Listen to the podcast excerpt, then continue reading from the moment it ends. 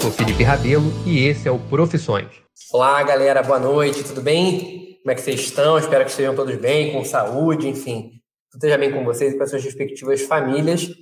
A gente começa mais um Profissões, hoje na terça-feira, né? A gente sabe que o último Profissões que nós tivemos há duas semanas foi numa quinta, porque a gente estava conversando com o empresário Delta Soares. E hoje a gente voltou para terça-feira como de rotina, e a gente vai falar com a Carol Cartagens. A Carol ela é biomédica, se formou na Unirio, hoje trabalha com física médica, enfim. Ela tem uma, um ramo de atuação bem interessante e vai falar um pouco com a gente sobre a experiência dela, né, da biomedicina, porque ela escolheu biomedicina, quando ela decidiu fazer biomédica. Bom, Carol, boa tarde, seja boa noite, na verdade, né? Seja bem-vinda, tudo bem? Oi, Felipe, boa noite. Tudo certinho aí? Certo? Tudo certo. Boa, que bom. Carol, para a gente começar nosso papo hoje, eu queria já entender, né? Hum. Biomedicina, em que momento na sua vida você falou, pô, é isso que eu quero fazer para minha vida toda, vou fazer na faculdade de biomedicina? Quando é que você decidiu isso? Então, essa é uma história, assim, um pouco controversa. Talvez não seja exatamente o que você ou qualquer outro estudante queira ouvir. Mas eu queria farmácia. Eu queria farmácia ou engenharia química. Tá. Porque com 17 anos eu estava querendo escolher minha profissão baseada nas matérias que eu gostava, né? Que era química uhum. e biologia. Então eu cismei que queria farmácia. Só que na, em 2007 as universidades ela, não tinha nem. Até tinha, mas era só para Unirio. Cada universidade tinha o seu próprio vestibular. Sim. Então, na FRJ tinha farmácia, na UF tinha farmácia, na Unirio não tinha, e na UERJ não tinha. Então, na UERJ foi fácil escolher, porque tinha o curso de biologia. Uhum. E na Unirio, quando eu fui colocar o curso que eu queria, tinha esse negócio de biomedicina, que eu não sabia o que, que era. Uhum. Aí eu fui lá, guia do estudante, aquelas revistas, né? Vou procurar o que, que é biomedicina. A teoria era linda, linda, linda, linda, porque eram assim umas 30 áreas que você podia atuar e tinha êmbrio, e tinha histologia, e tinha microbiologia, e tinha imunologia, e tinha muitas coisas. Uhum. E na grade da Unirio tinham quatro químicas, que era o que eu queria, né? Eu queria muito química. Sim.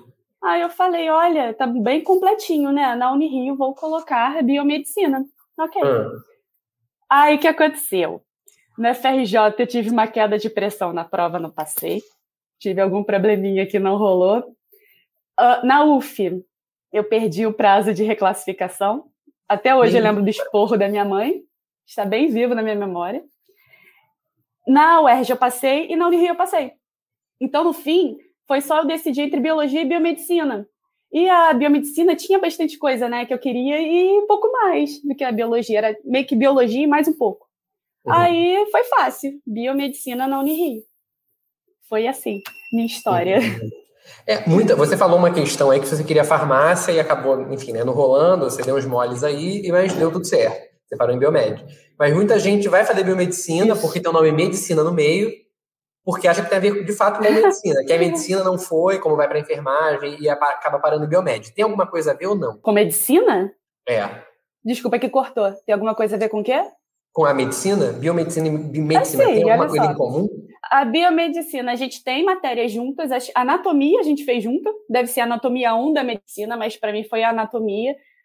A gente fez matéria com enfermagem também, a gente fez muita matéria com biologia.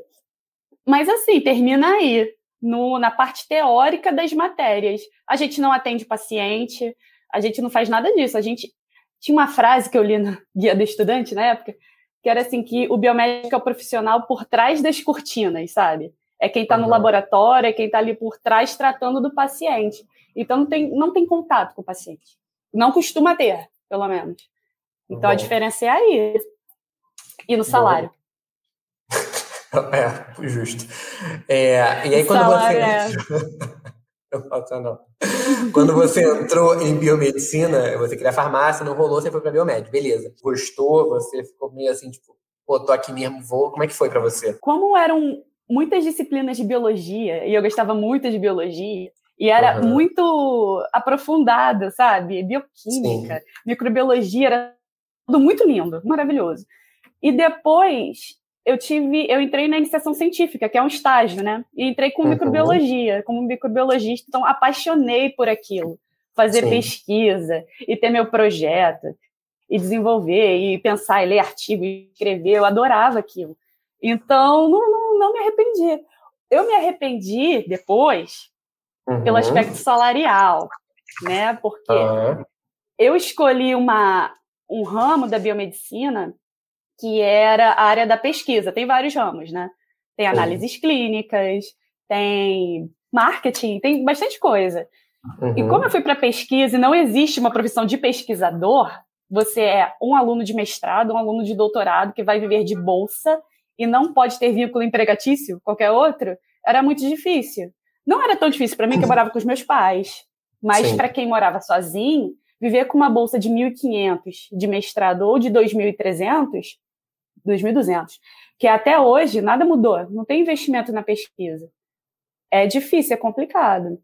Então, então, a gente tem uma profissão que é muito acadêmica. Você vai viver uma vida muito acadêmica depois, porque você vai ter que vai ter pesquisa para mestrado ou para doutorado, porque você vai ganhar o seu dinheiro a partir dessa bolsa. Então, você pode, mas existem outras, outras vias para você ir, entendeu? Uhum. Se você fizer uma pós estética, por exemplo, que é uma coisa que tem crescido muito, você vai, provavelmente vai ser um trabalhador CLT.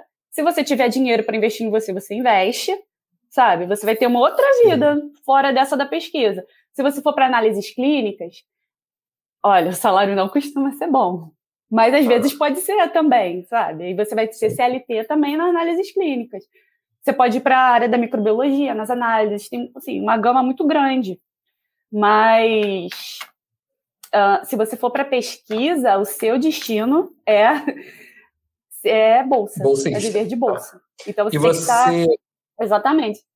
Queria ir tem que estar preparado, seu coração tem que estar aberto. Eu não sabia o que, que era, na verdade. Eu fui conhecendo ao longo da faculdade e me uhum. apaixonei. Se não fosse esse empecilho, né, do Brasil não ter investimento em pesquisa, da bolsa estar tá congelada desde a minha época, 2000 eu saí do mestrado 2015, mesma coisa. Eu teria continuado com certeza, porque é uma área muito bonita, sabe? É uma coisa muito legal de se fazer. Tem seus empecilhos? Tem, porque seu orientador te cobra muito artigo, te cobra resultado, tem todas aqueles aquelas pressões, sabe? De Sim. quem quer resultado e precisa ter resultado, porque você precisa de resultado para manter a sua bolsa. Você precisa comprovar que você está tendo resultado.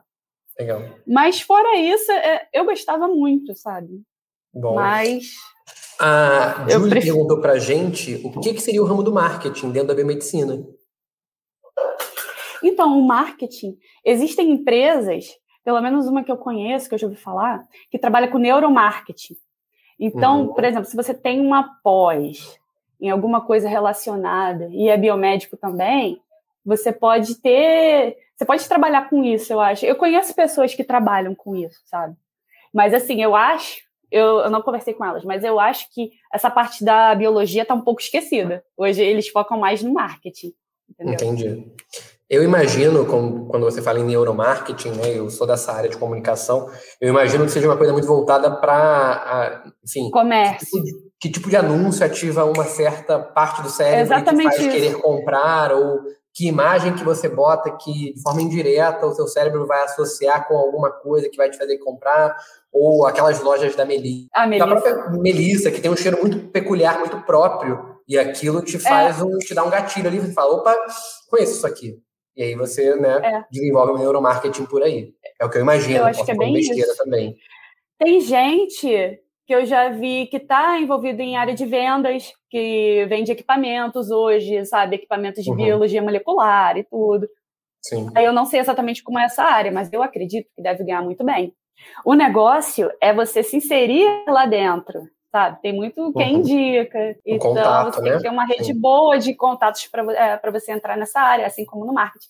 Assim como na análises clínicas também, às vezes, é um pouquinho difícil. O que, que seriam análises sabe? clínicas? Só para a gente ter isso claro. Análises clínicas é você... Aqueles exames de laboratório que você faz, é uhum. glicose, é, hematócrito, quanto tem de hemácia. Ah, entendi. É, muitos, tem biomédico que analisa na parte de microbiologia e faz a cultura da cepa, aí vê uhum. qual, identifica bactéria, identifica fungo, é, identifica marcadores, identifica tipos celulares no sangue, Legal. você vê se tem propensão. alguma uhum. coisa. Deixa eu te perguntar, é a gente está vendo uma pandemia, né? Óbvio, como todo mundo já sabe. Eu imagino que o biomédico tem um papel muito importante nesse combate, né? Imagino que para vacinação tenham tido biomédicos trabalhando naquilo, ou não. Como é que funciona isso? Eu não sei te dizer. Essa parte eu não sei. Eu sei que o conselho mandou e-mails recrutando biomédicos para trabalhar, uhum. mas eu não respondi. eu não sei. Não, sim, mas, mas é, é, normal, né? Na área de pesquisa, para desenvolver uma vacina, por exemplo, você ter alguém ali desse sim, ramo. Sim, sim. E o Cruz, então, você tem diversos pesquisadores que trabalham testando, criando vacina, testando o epítopo é, trabalhando com vírus, com mosquito, com um monte de coisa. Sim. É uma área muito grande, muito, muito grande. Entendi. Só que Só é desvalorizada, né? Exatamente. Entendeu? Por isso que muitos pesquisadores, eles saem do Brasil para fazer pesquisa. Porque Bom. lá o investimento... Cara, lá no laboratório você tinha que tirar leite de pedra, sabe? Era algumas coisas que estavam para vencer, você tinha que fazer, porque para você receber de novo material, era toda um, uma burocracia. É fazer pesquisa no Brasil é complicado, apesar de muito muito legal. Eu gostava muito, é muito complicado. Boa. E como é que você se achou profissionalmente, né? Porque nitidamente você não está vendo de pesquisa. Como é que você está usando a biomedicina para andar na sua vida, né? O que você fez aí para se inserir então, no mercado de trabalho? O que aconteceu? Eu achei uma vaga de dosimetrista. Aí que eu, que meu é Deus. O que é um dosimetrista? Que seria dosimetrista, né? contrata biomédico para ser trainee dosimetrista. Uhum. vamos ver o que, que é. É trabalhar com radioterapia, com tá. física das radiações. Radioterapia é, é muito... tratamento para câncer, né? Isso, tratamento tá. para câncer. Uhum.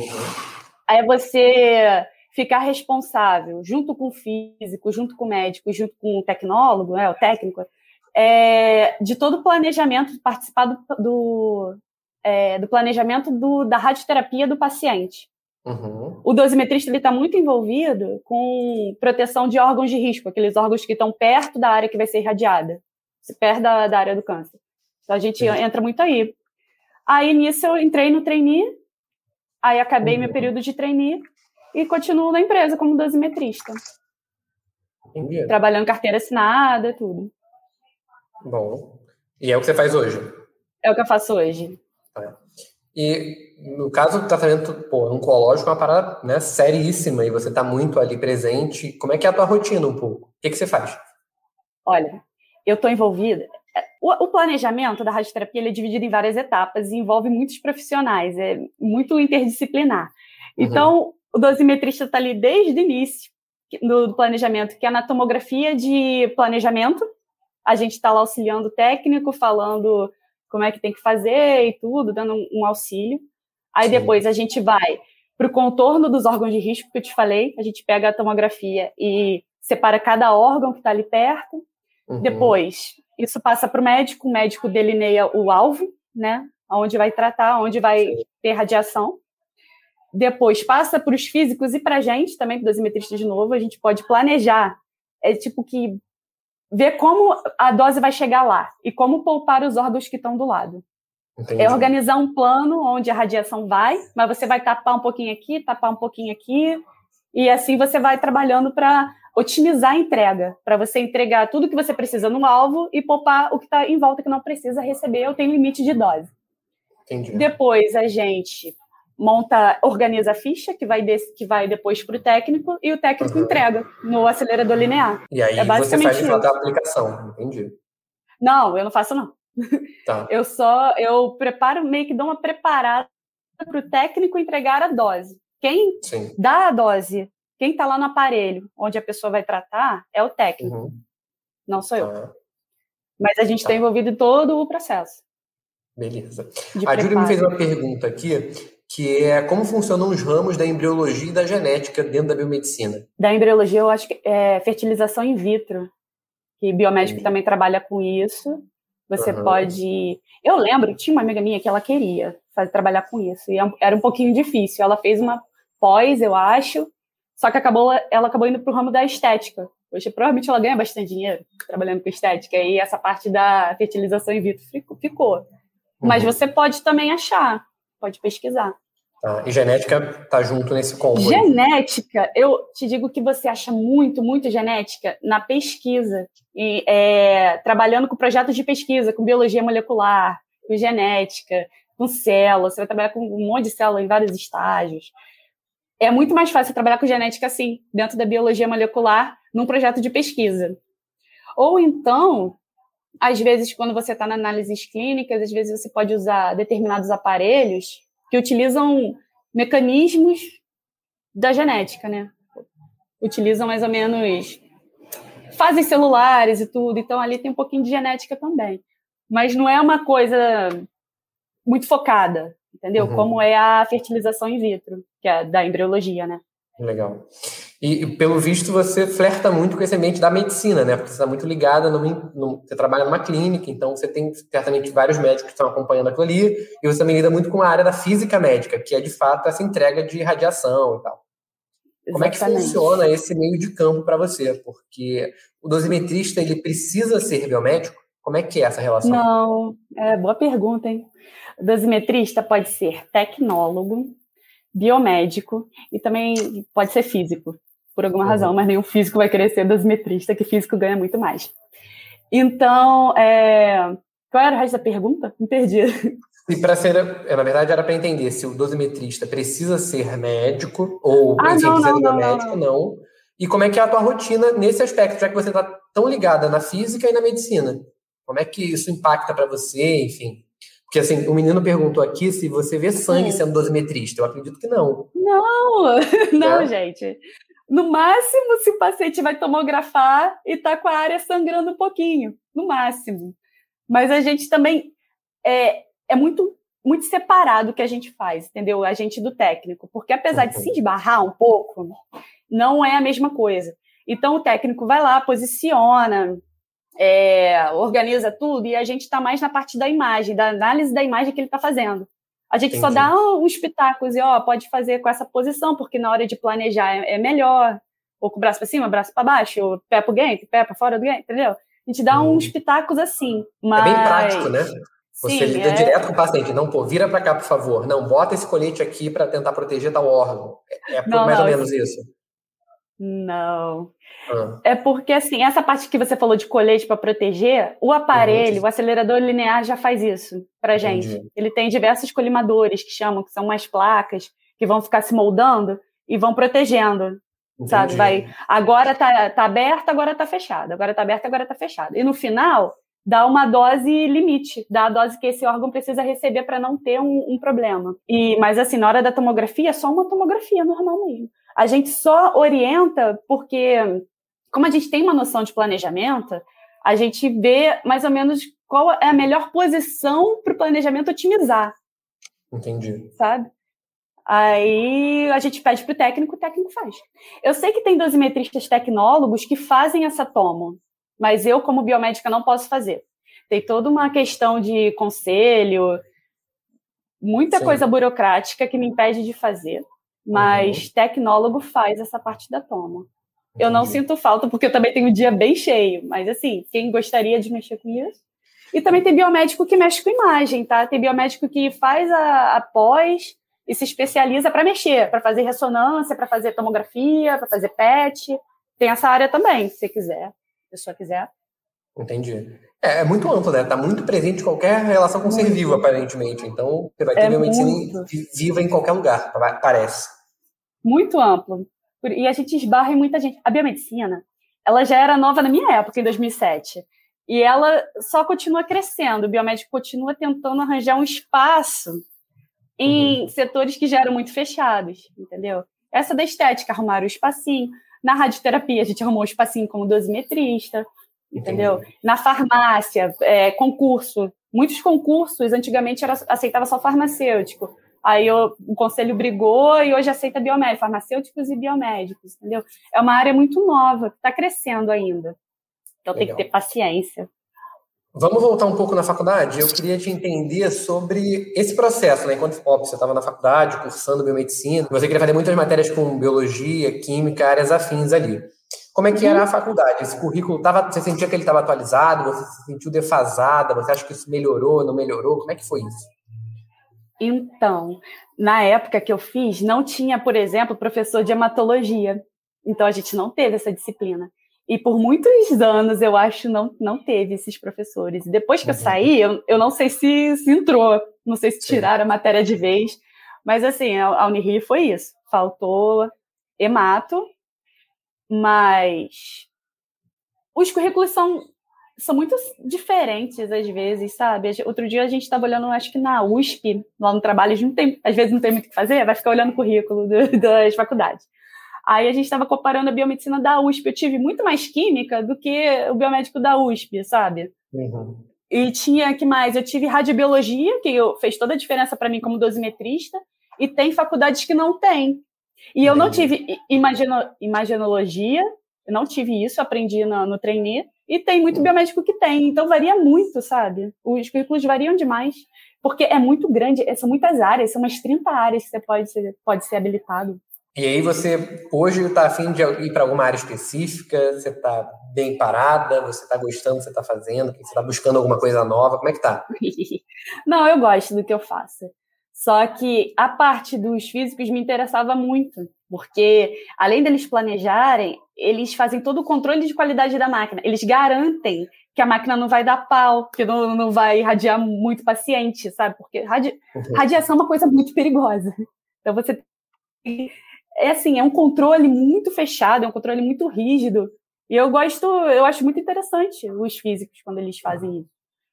Além do planejamento grosso, mesmo são eles que fazem. Eu faço quando eu tenho tempo. Uhum. Ah, e eu, eu gosto muito. Então, talvez eu ainda pense em ir para esse lado tal da física. Provavelmente irei, mas. Boa. mas, cara, é uma área muito legal. Bom, aí saindo um pouquinho da faculdade, eu, eu, lembro de acompanhar né, algumas de suas redes sociais e tudo mais. Você chegou a apresentar artigos em congressos, Sim. viajar para isso. Você tinha uma, área, uma vida acadêmica ativa ali de alguma forma. Sim. preparar artigo, ainda apresentar, tem. pesquisar, ainda tem. Como é que é essa ainda vida tem. acadêmica para quem está querendo entrar na biomedicina, né? Já que um dos grandes ramos é a academia. Olha só, quando você está dentro do mestrado, você de ano em ano você é testado para ver como é que estão seus resultados. Deu algum resultado? Então, normalmente tem uma, uma feira que você apresenta seus resultados. Uhum. E você tem que publicar pelo menos um artigo para você receber o título de mestre. Então, tudo que você fizer no seu laboratório, você vai escrevendo, seu orientador vai é, analisando e você eventualmente vai publicar um artigo. Quando você for defender, você tem que estar com pelo menos ele, acho que ele escrito era alguma coisa assim, não me lembro. E só que assim, eu acho que se você focar, talvez você consiga manter essa área acadêmica onde você for. E eu, estou falando isso porque na minha área, o que, que a gente se preocupa com rotina, né? Vamos uhum. entregar aqui a dose, temos que contornar tantos casos, temos que entregar a radioterapia de todos esses pacientes. Só que a gente também tem problemas lá, sabe? Não é problemas, assim, uhum. dificuldades que, to, que muitas áreas, que muitos, muitas clínicas também têm. Então, por exemplo, um físico lá teve uma ideia de, de um tipo de, de preparação para o tratamento, que eu embarquei na dele, a gente fez um trabalho que, assim, apresenta em vários congressos, já dei aula várias vezes sobre esse trabalho, estou escrevendo artigo, sabe? De repente, você consegue encaixar essa parte acadêmica onde você for. Talvez. Ah, Entendi. Talvez seja coisa que não te abandone, apesar de você não estar na área acadêmica, porque eu não estou, estou escrevendo um artigo, sabe? É isso que eu ia te perguntar, né? Você tá. É uma área que permite que esteja dentro do mercado e dentro da faculdade também, né? Do, do ambiente de produzir conteúdo, produzir conhecimento. Você tá nos é. dois, é um pé dentro e um pé fora. É, eu acho que você nunca abandona. E talvez você ter uma boa base, sabe, em escrever artigo, em ler inglês, em interpretação de texto, sabe? Interpretar resultado e estatística seja muito bom para você e a vida como um todo. Sim. O que, que você não esperava encontrar na biomedicina que você encontrou? E é, problemas com outros profissionais. Isso aí eu encontrei bastante na vida. Olha, porque, Entendi. como eu disse, é uma área que está crescendo. Então, você uhum. encontra problema com técnico achando que você quer ser técnica, com farmacêutico achando que você quer ser farmacêutico, e não é nada disso, sabe? Não, nem, nem interpola são, é porque é novo, está crescendo, tá, as pessoas estão se adaptando, isso demora. foi isso. Então, quem quiser fazer, tem que fazer por amor e tem que entender que talvez seja uma dificuldade que vocês encontrem. Entendi. Mas que é possível de se passar numa boa e dar tudo certo no fim, ou não? Sim, ah, né? não, dá, deu, deu tudo certo. Sendo dosimetrista, passei, biomédica, né? Não dosimetrista, biomédica, passei uns perrengues na empresa. Uhum. Mas hoje em dia tá tudo bem. Eventualmente você mostra o seu espaço, você mostra o seu trabalho e dá tudo certo. Só ter Qual o diferencial fé. do biomédico? É carga horária. Parece que a gente pode trabalhar oito horas semanais e o tecnólogo deveria trabalhar quatro. Aí tem preferido, empresa tem preferido contratar biomédico do que tecnólogo. Aí Entendi. dá uns problemas. De... Mas a título de conhecimento não muda muito. Eu acho que muda, porque a gente, assim, o tecnólogo, principalmente para a área de radioterapia, eu acho que ele é um pouco, um pouco mais focado para essa área. E o biomédico é focado para 30 outras áreas, sabe? Então a gente sabe um pouquinho de tudo. Mas nada impede, assim como qualquer outra área, eu acho, de você fazer uma pós e ficar um especialista naquilo. Eu já estou há cinco anos na empresa e eu acho que eu sou uma especialista nisso, apesar de ser biomédica, entendeu? Da minha faculdade não ter tido imagenologia, de eu ter tido uma disciplina só de radiobiologia. Uhum. Quem é da tecnólogo tem mais, entendeu? Eu Sim. acho que é tudo adaptável. Bom, como é que foi essa entrada no mercado de trabalho? Porque você, enfim, estava na academia, estava fazendo artigo, vendo pesquisa, mestrado e afins, e aí, como é que você né, virou CLT? O que aconteceu na tua vida ali para você ingressar no emprego? Como é que você achou aquela vaga que você falou? Então, eu tava, eu ia fazer o doutorado. Eu saí do mestrado e ia fazer o doutorado. Uhum. Só que era assim, o doutorado era muito puxado. E eu já saí do mestrado, eu fui emendando uma coisa na outra, e sem férias, porque você não tem férias, eu, a minha cabeça acabou ficando meio assim, eu preciso dar uma parada. Eu não consigo ler mais um artigo. Sabe? Era sempre resultado, resultado, resultado. E às vezes as coisas. Experimento dá errado, tá? Vocês têm que entender que experimentos dão errado. E às vezes você só não tem resultado. E aí eu comecei a ficar muito grilada com essas coisas e pensei, acho que eu quero dar uma parada, tirar finalmente minhas férias e ver como é o mercado de trabalho. Se eu não, uhum. não conseguir, eu volto e faço doutorado, porque tinha as portas abertas onde eu estava. Aí eu encontrei essa vaga, por acaso eu consegui passar, um uhum. milagre do destino, porque eu era uma microbiologista, sabe? Tinha gente com pós não sei aonde, e não sei o que de, de câncer, e pós em Barretos, e pós não sei o que. Eu era apenas uma microbiologista, e, consegui entrar. Uhum. Aí foi isso, só que aí eu não saí mais. Aí eu acabei gostando. Entendi. Pô, legal. Que bom, né? Pois é, não, não sei o que rolou. Eu acho Mas que é... foi o, o mestrado, sabia? Eu acho que ter esse negócio de escrever, de análise crítica de resultado, não sei. Mas Entendi. deu certo. Mas é uma área difícil de você conseguir emprego? Ou mais é. ou menos? Como é que você vê é isso? É difícil, sim.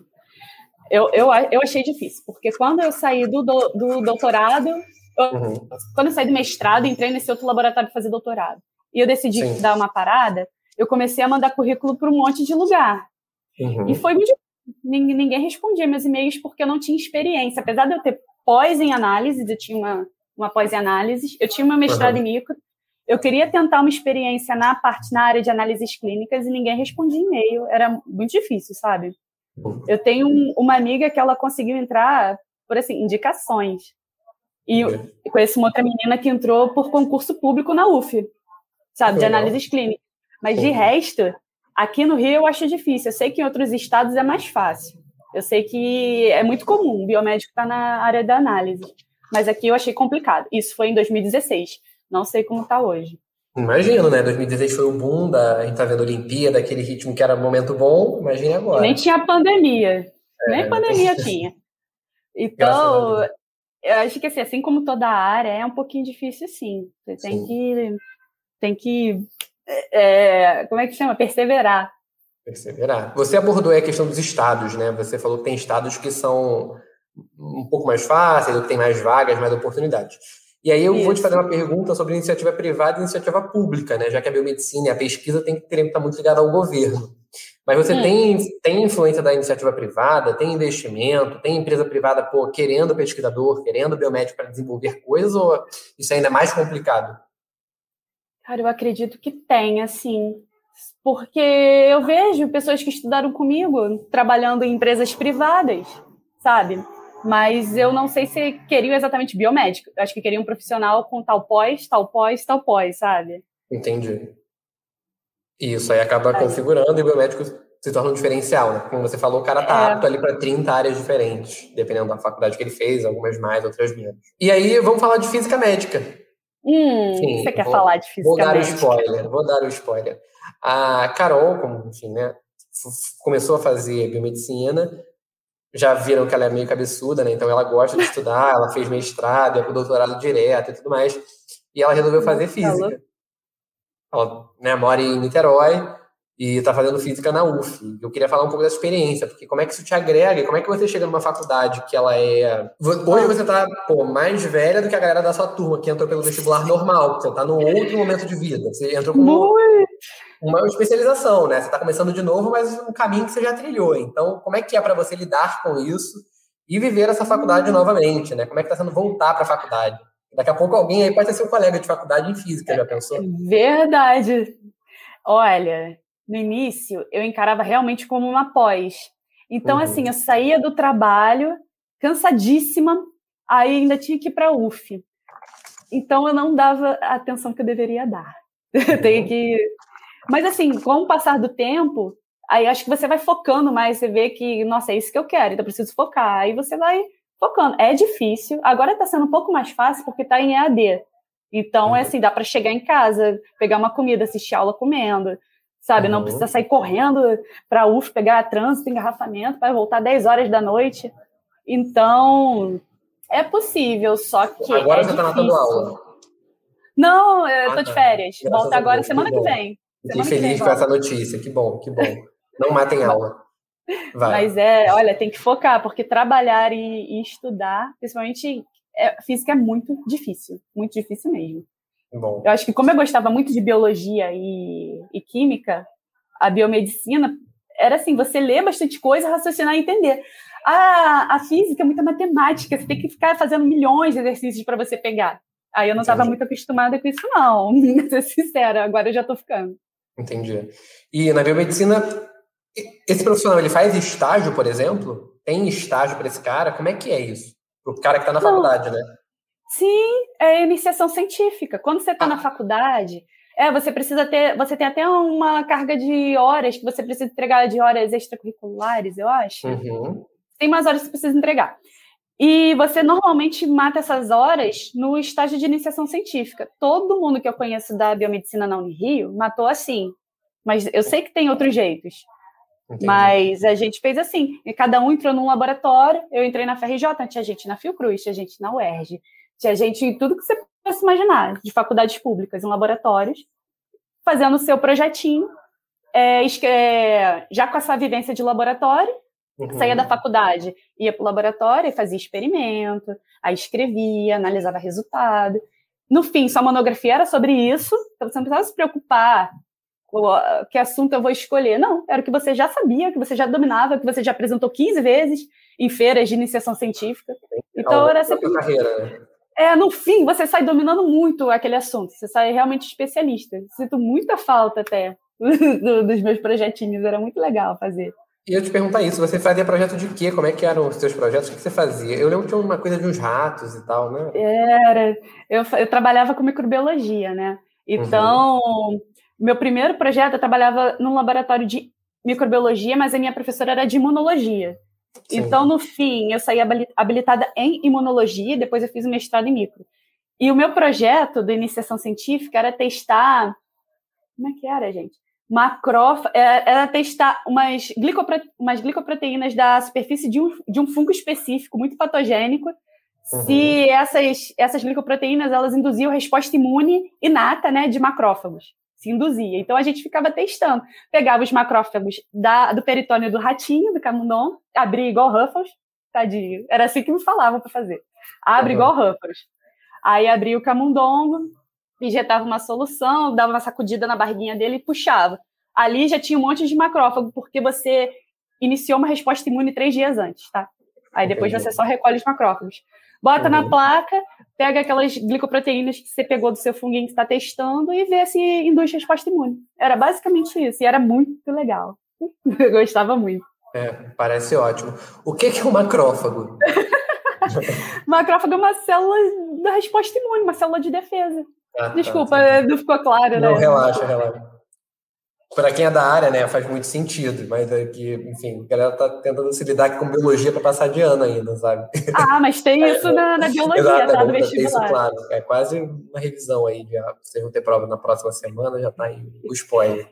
Então, aí o aluno, o aluno de iniciação científica fazia isso tudo, botava a mão na massa, estava no laboratório todo dia, sabe? Então você tinha muito domínio do que você estava fazendo. Você sabia do que você estava fazendo. Se você tivesse bastante conhecimento até, se você lesse bastante artigo, você até sugeria para o seu orientador alguma coisa. Você dava umas ideias, você batia um papo, entendeu? Uhum. Você tinha, principalmente no mestrado, no mestrado, então, que você tem que idealizar tudo, com a ajuda do seu orientador, claro. Era, era assim, você tem bastante domínio. Hoje, trabalhando numa empresa, aí você vê a diferença, né? Que você responde um chefe. Você não tem domínio das coisas. Na área da pesquisa, sim. Você faz o que você pensar que é melhor, você faz. Você conversa com o orientador e faz. É, é porque a pesquisa tem muito disso, né? Tem muito teste. Então. É. Ah, eu vou falar um pouco de, enfim, aí eu vou te perguntar em níveis macros, tá? Não precisa, tipo, jogar para baixo, jogar para cima, nem ser muito cravada nas coisas. Mas para quem é CLT, qual é a média de salário no biomédico? Hum, eu acredito que seja de, sei lá, uns 2.500 a uns 5. Eu acredito que seja isso. É um, esse é um cheiro Porque mais ou menos. Quando eu procurava, né, no, na análises clínicas, os salários eram esses, 2.100, entendeu? Mas você, na radioterapia ganhou mais, né? Mais Sim. do que isso. Então varia. Hoje você vê as análises clínicas como o mercado que mais tem vaga, por exemplo? Talvez. De CLT, sim. Talvez seja. De resto, você tem que dar uma, uma pesquisada, sabe? Porque tem. Digo para vocês que tem. Mas tem que pesquisar. Tem que ver. Tem que fazer umas pós. Só, só sair da biomedicina não vai rolar. Você precisa fazer uma pós alguma coisa. Nem que seja análise. Uhum. Nem que seja em imunologia. Sim.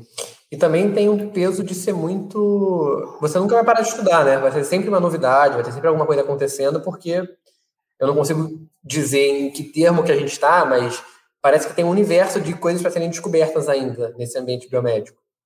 Sim, sim, mas acho que toda área, Felipe, você tem que estar tá sempre se atualizando, uhum. sabe?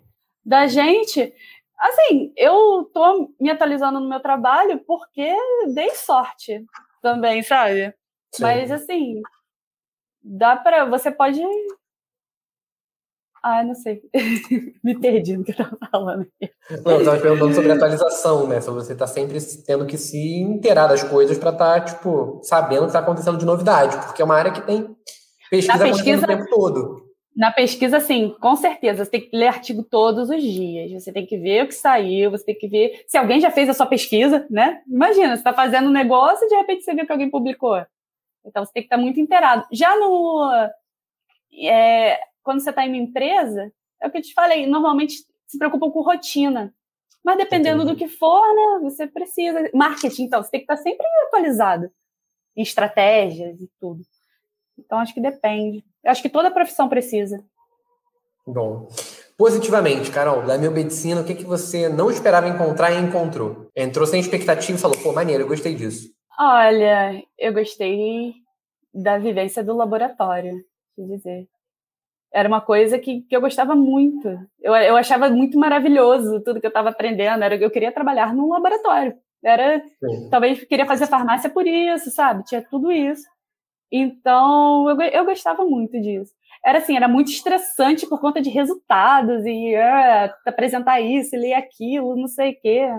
Mas hoje, de longe, olhando de longe, era uma coisa que eu gostava muito. Eu até tinha gente que falava que meu olho brilhava quando eu falava dos meus projetos. Era esse nível de, de doideira. Bom, né? Talvez os dos ratos não brilhassem tanto, mas os seus estavam ali firme e forte. É, era muito triste. Matar os camundongos era muito triste. Mas, né?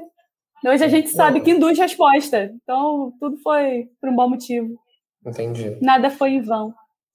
É, que bom, né? Porque, enfim, né? Você ganha benefícios a partir daí. Isso aí. Bom, bom. Gente, alguém tem mais alguma dúvida? Quer mandar pergunta ainda? Aproveita que a gente tem um tempinho para a Carol responder aqui sobre as maravilhas da biomedicina que ela tiver para apresentar para a gente. Então, podem mandar pergunta à vontade. Carol, para a gente começar a caminhar para o fim, hum. queria te ouvir sobre a biomedicina enquanto um guarda-chuva amplo, né? Você falou que tem várias áreas aí nesse meio do caminho da biomedicina. Sim. Mas qual que você acha que talvez é a mais complicado, a que menos tem? Assim, o que, que o aluno poderia. Lógico, ele gostaria vai fazer, mas qual área você acha que ele deveria fugir se precisasse, assim? Ou deveria correr muito atrás, porque é uma área super interessante, que você, é você acha que está crescendo muito? Qual a tua expectativa? Radioterapia. Eu acho que deveria correr atrás de radioterapia, porque está crescendo, cada vez mais biomédicos sendo dosimetristas. Entendi. Eu acho que poderia. Agora, fugir. Fugir é muito complicado responder. Eu acho que nenhuma. Não me vem nada à cabeça para fugir, não. Sim. Mas você acha que uma área boa de investimento hoje para um biomédico seria dosimetria? É, vou puxar a sardinha para o meu lado hoje. Mas, mas, se existisse investimento em pesquisa, sem dúvida falaria pesquisa mas não há. Então, a não ser que você seja muito apaixonado por fazer pesquisa, então não, não aconselho, porque a vida é um pouco difícil. Entendi. Financeiramente. Sim. Porque é isso, né? A gente, enfim, entra na faculdade, às vezes a gente namora com os pais, às vezes já não mora mais, dá sequência naquilo, começa a estudar e tal, e você começa a alçar novos voos, né? Você quer morar sozinho, você quer, às vezes, casar e... ou não, você, enfim. É... E você não pode ter outro vínculo empregatício, eles não deixam. Se você tiver, você não ganha bolsa, sabe? Aí é, é, é, tudo muito complicado. Fazer pesquisa no Brasil é muito complicado. Então, é assim, caso de amor. Entendi. Porque no caso, tendo uma CLT, uma carteira assinada, eu não posso ter uma bolsa de pesquisa. Não. Entendi. Você vai dar a bolsa para alguém, você pode fazer o seu mestrado, mas sem bolsa. Você vai ganhar o seu salário da sua empresa. Entendi. E estuda ali, tá tudo certo. É. E Sim. fazendo seu projetinho ali. Mas também, imagino que tem um mercado grande de professores aí, né? Professor professores tem. biomédicos. Tem, tem, tem bastante. Até quando tinha mais concurso, era todo mundo ia para o pós-doutorado e concurso. Então, assim, diversos professores. Unirio, uhum. FRJ. Minha professora de imuno eh, foi aluna da, foi aluna da Unirio minha é, aluna da outra professora, sabe? Assim, quando tinha essa muito concurso, uhum. era bastante biomédico mesmo. Agora eu não sei como tá, sinceramente. Entendi. Mas você Bom, sempre pode dar, se você fizer um mestrado, você dá uma aula de biologia no ensino médio, né? Tem isso também. Você consegue entrar em outros cantos e estar tá com a faculdade da biomedicina ali te dando auxílio. O bacana é que você viveu a experiência de estar no laboratório, né? Ainda que você tenha viveu isso na faculdade, adoraria ter vivido mais isso, não foi para fora do país, onde teria mais investimento.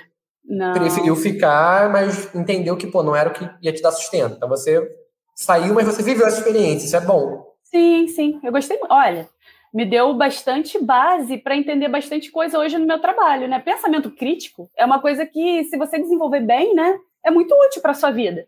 Sim. E lá no mestrado, no mestrado, na iniciação científica, né, você desenvolve bastante. Você precisa ler bastante artigo. Você pensar criticamente é indispensável hoje. E ler inglês. Tudo em inglês. Porque, em geral, as revistas são todas né, artigos publicados em é, inglês, é, você... ainda que eles estejam em língua nativa, você faz uma versão para inglês para ir para o paper. É, você escreve em inglês, inclusive. Você vai ter para você publicar, normalmente, você vai ter que escrever em inglês. Até para revista brasileira mesmo. Você escreve pelo menos um resumo em inglês. Então, Entendi. você precisa ter esse conhecimento. Bom, boa dica aí para quem está no intelecto bilíngue, aproveita, arrebenta nas aulas de inglês para sair sabendo e podendo tentar, né? Exatamente. né? Essa é a proposta. Bom, é Exatamente. é isso. Pessoal, mais alguma coisa? Por enquanto não, né? Respondi todo mundo, deixei ninguém sem resposta, certo? Beleza. Carol, muito obrigado, tá? Ah, antes disso, eu queria que você desse uma dica para quem está querendo fazer biomed. O que, que essa galera merece ouvir de você? Uma dica? Não façam, mentira. Olha, eu acho que assim, se você quiser, você tem que entender que é uma área que tem muitos percalços. sabe? É uma área que está crescendo, é uma área que não tem assim essa disponibilidade de emprego muito grande, pesquisa não tem investimento. Você tem que uhum. entender tudo isso. É uma área muito bonita, é uma profissão muito legal, mas eu acho que talvez você tenha que levar em consideração todos esses problemas também. Entendi. Bom, Senão perfeito. você pode se frustrar. Sim, tem que ficar a expectativa compatível, né? Não dá para Exatamente. Assim... Tenta conversar com mais profissionais, biomédicos, tentar achar por aí, tentar achar entrevistas, alguma coisa desse portais, coisa de Instagram, página de Instagram, porque eles falam muito dos problemas também por lá. Hoje é muito divulgado, né, tudo. Na minha época, né, 2007, não era tanto assim. Eu fui é. no amor mesmo, eu fui na teoria que biomédico era.